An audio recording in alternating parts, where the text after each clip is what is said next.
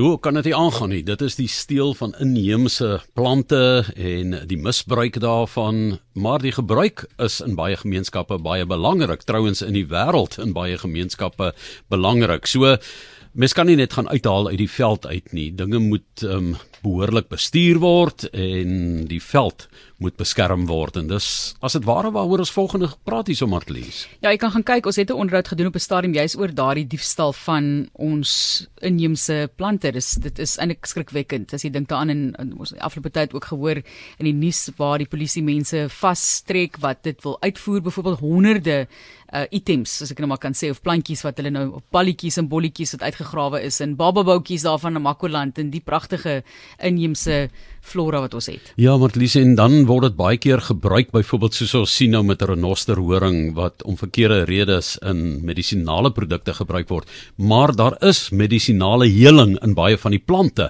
en dit is juist daardie plante wat so deurloop en gestroop word dan en um, deur buitelanders ook nê wat dit um, uitsmokkel en so en ons het nou 'n teenvoeter daarvoor. Inderdaad en ek hoop dit gaan goed daar in Plettenberg Baai gesels met ons Sidney Lefleur is aan die woord en hy is 'n boer van Erika Wil Landbou Trust en voorsitter van die SA Agri Akademie. Sidney, kom ons definieer net gevindig 'n medisinale plant. Kan ons nie maar ons weet ons kan nie alle sampioene eet nie, maar dis nou 'n fungie. So kan 'n mens alle plante op 'n medisinale manier gebruik of is dit net 'n sekere hoeveelheid? Ehm um, ek sal nou nie sê alle plante nie, maar baie van die plante kan jy gebruik. Dit hang maar af wat die navorsing wat op die plante gedoen wees was en of dit wel ehm um, medisinale uh, eienskappe bevat. Ja. Kom ons gesels oor wat julle ook daar boer want ek is ek weet nie of julle alle forme van medisinale plante in daardie area wel kweek nie. So gee vir ons 'n idee van wat die Erika Wil Landbou Trust doen. Julle is gestig in 2000 as 'n gemeenskapsboerdery en wat julle alles daar kweek. Ja, ons het in 2000 begin um, met die kweek van heuningbostee. Ons het ons eerste oes gedoen in 2001 En het ons so vir 5 jaar verkoop maar net aan die prosesseerders. En ehm um, ons het gevind dat ehm um, dis nie baie winsgewend nie. Want ons het begin in 2000 en een maar met 'n prys van R2.50 uit later opgegaan na R3.50 toe en toe besef ons nee, ons moet ander planne maak want dit is nie so winsgewend nie.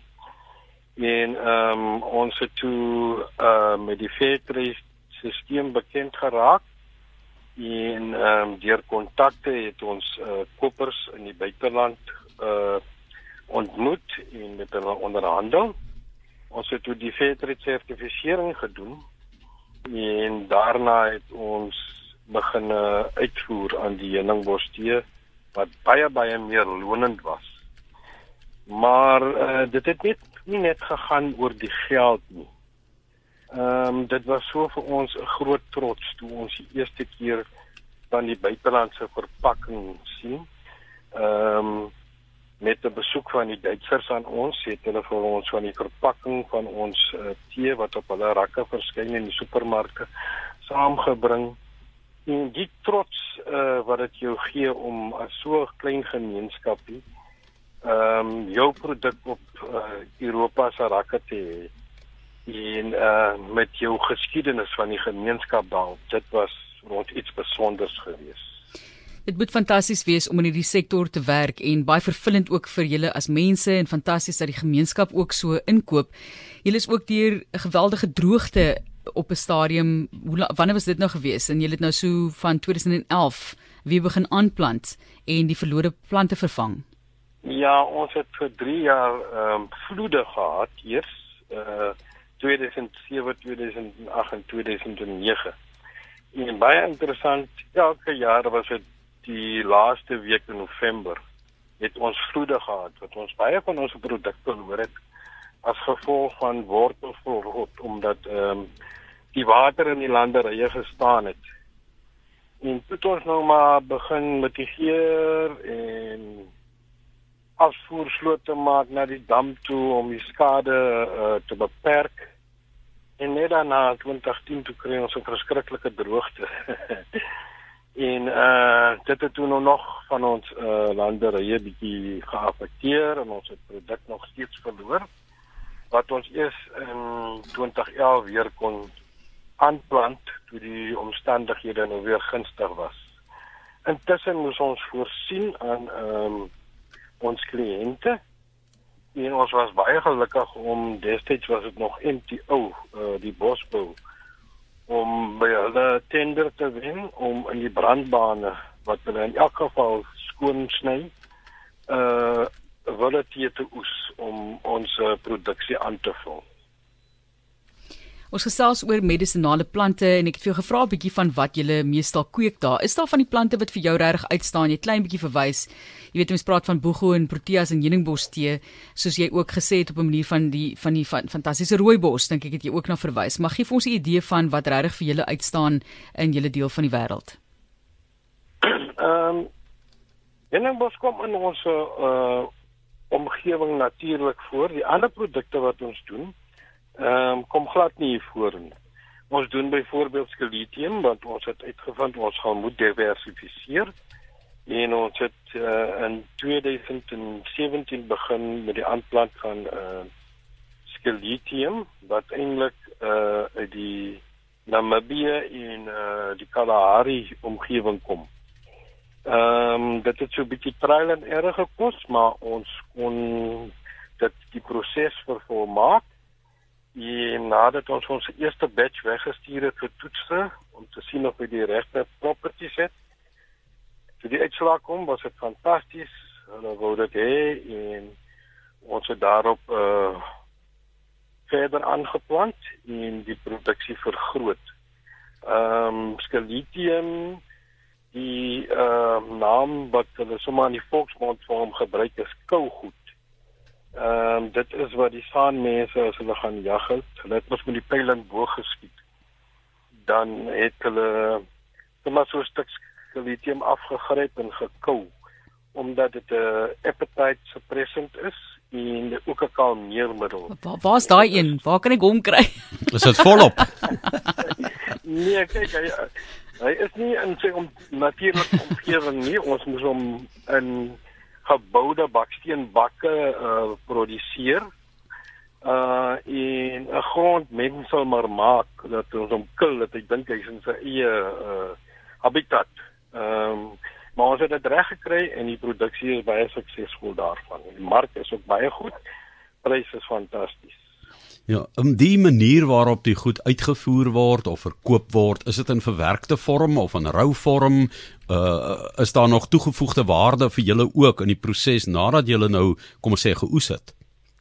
Ehm um, op die heuningbos verwerk ons niks, ons sny die rooi uh, rou produk en ons neem hom na die prosesseerders toe, hulle doen dit self.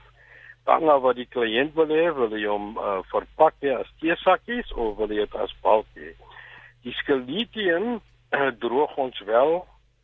En dan gaan hy net verder na die verwerkers toe na verskillende snitte of vir 'n teesakkie of kapsuulvorm wat ook al die kliënte wil hê en dan die ander produk wat ons doen is ekmella is eintlik 'n uh, brintsaliaanse plant. Hy kom glad nie in Suid-Afrika voor nie maar omdat uh, ons navraag gekry het om dit te produseer, het ons 'n bietjie navorsing gedoen. En baie gesukkel om plantmateriaal in die hande te kry, maar ons het toe uiteindelik gekry. En in 2019 na 2020 toe het ons proefaanplanting gedoen. En uh, ons eerste bachelor toets ook weer. En die kopers wat, wat uh, belang gestel het was tevrede en nou produseer ons dit grootskaal en dis eintlik ons grootste maniespinner op die oomblik. Waarvoor word dit gebruik? Dit is 'n natuurlike pynstiller. As ja. jy enige pyn het op jou knie of waar wel pryf jy net een van die blommetjies daar en hy raak stil. As jy 'n blommetjie net een blommetjie kou dan voel dit of jy ingespuit is om tande te trek. Jou mond is heeltemal dood. Baie interessant. Sit nie jou eie belangstelling in medisinale plante. Waar kom dit vandaan? Johan, dit was maar eintlik as ons maar gedwing daarin. Ehm um, omdat ons aan die eerste plek toe ons die trust gestig het, wou ons groente op groot skaal aanplant. Maar die grond was te suur en ehm um, die groente sou glad nie werk nie. Dit was nou die keuse gehad of heuningbos tee of boegoe of ehm um, proteas en uh, na 'n bietjie marknavorsing na al drie produkte gedoen het, het ons uitgevind dat die heuningbosmark groei. Toe ons in die heuningbos in en daarvan af het ons maar besluit ons bly by medisinale plante omdat ons ook bobejaan peste het en dis al wat hulle nie verniel nie. So groente sou in elk geval maar deurgeloop het onder die bobejane. Ja, en bessies en vrugte en sulke dinge, ja, né? Ja, dit het ja. mens kan dit doen, maar dan is die koste so geweldig hoog. Ja om dit ja. te beskerm. So Plettenberg Bay, as 'n mens nou in daai omgewing rondry, ek ken dit nogal redelik goed. sien jy baie lappies boerdery. Dis baie gemengde boerdery. Ja, ja. Um, ja. en ek neem aan water is ook 'n uitdaging vir julle, hoewel die pragtige oseaan daar is, maar ek praat van water om te gebruik vir uh, die boerdery. Ja, ons is uh, natuurlik net van uh, reënwater afhanklik. Ons het 'n boorgat, maar omdat ons 800 meter van die kus af is, is ons water sout. So ons kan dit nie gebruik vir die landerye nie. En ons is net afhanklik van reënwater uh wat ons in die dam opvang. En daarom kan ons net 'n uh, beperkte areas plant. Ons kan byvoorbeeld nie groter as 10 hektaar gaan nie. Dan neem ons uh, loop ons 'n risiko dat ons water teen Februarie maand gewoonlik as die dam baie laag voor die reenseisoen begin, dan loop ons 'n risiko dat ons uh, sonder water sal raak. So julle moet dit baie goed bestuur. Dink jy die vooruitsig, ons het voor die tyd gepraat hier in die ateljee ek en Martelies 'n bietjie oor jy weet die uh, geweldige druk wat daar op die omgewing is en diefstal ten opsigte van inheemse plante, dikwels vir medisinale doeleindes of net vir versamelaars is dit die manier om te volg wat julle loop? Wat uh, dit is tog iets wat besig is om weer pos te vat. Mense wil 'n bietjie meer natuurlik leef in alle opsigte ook medisinaal dan. So uh, voorsien jy dat daar baie sulke lappies boerdery kan opgaan met verskillende inheemse plante wat dan vir medisinale doeleindes gebruik kan word? Ja Johan definitief. Ehm um want soos jy sê uh die druk op die natuurlike hulpbronne is verskriklik. Ehm um, daar is baie diefstal en ehm um, die mark is daar en as jy met die regte kopers uh in aanraking kom vereis hulle dat dit aangeplante produkte is en nie uit die natuur uit uh, verwyder is nie. En ehm um, veral met die skeletium ehm um, die persone wat ons aan voorsien. Hulle was in die verlede ehm um, aangewese op die, die uh, natuurlike produk uit die veld uit. Maar as gevolg van die druk op die natuurlike hulpbronne het hulle omswaai gemaak en besluit dat hulle aangeplante produk wil hê. Is dit waar julle julle Fairtrade stempeltjie ook gekry het? Ons Fairtrade stempeltjie het ons gekry met die heuningbos tee destyds. Ehm um, omdat ons in 'n spesifiek spesifieke is 'n baie spesifieke mark wat ehm um, jou bo-gemiddelde prys betaal en dan gee hulle 'n premie bo op dit uh van so R12 kilogram vir uh, gemeenskapsontwikkeling. En julle produk verstaan ek is in 'n paar lande in die wêreld al uit daai hoeveel het jy gesê ag minder as 10 hektaar. Ehm um, is dit netjies verpak in baie ander lande in die wêreld soos byvoorbeeld? Uh Oostenryk, Italië, Frankryk, België en Duitsland.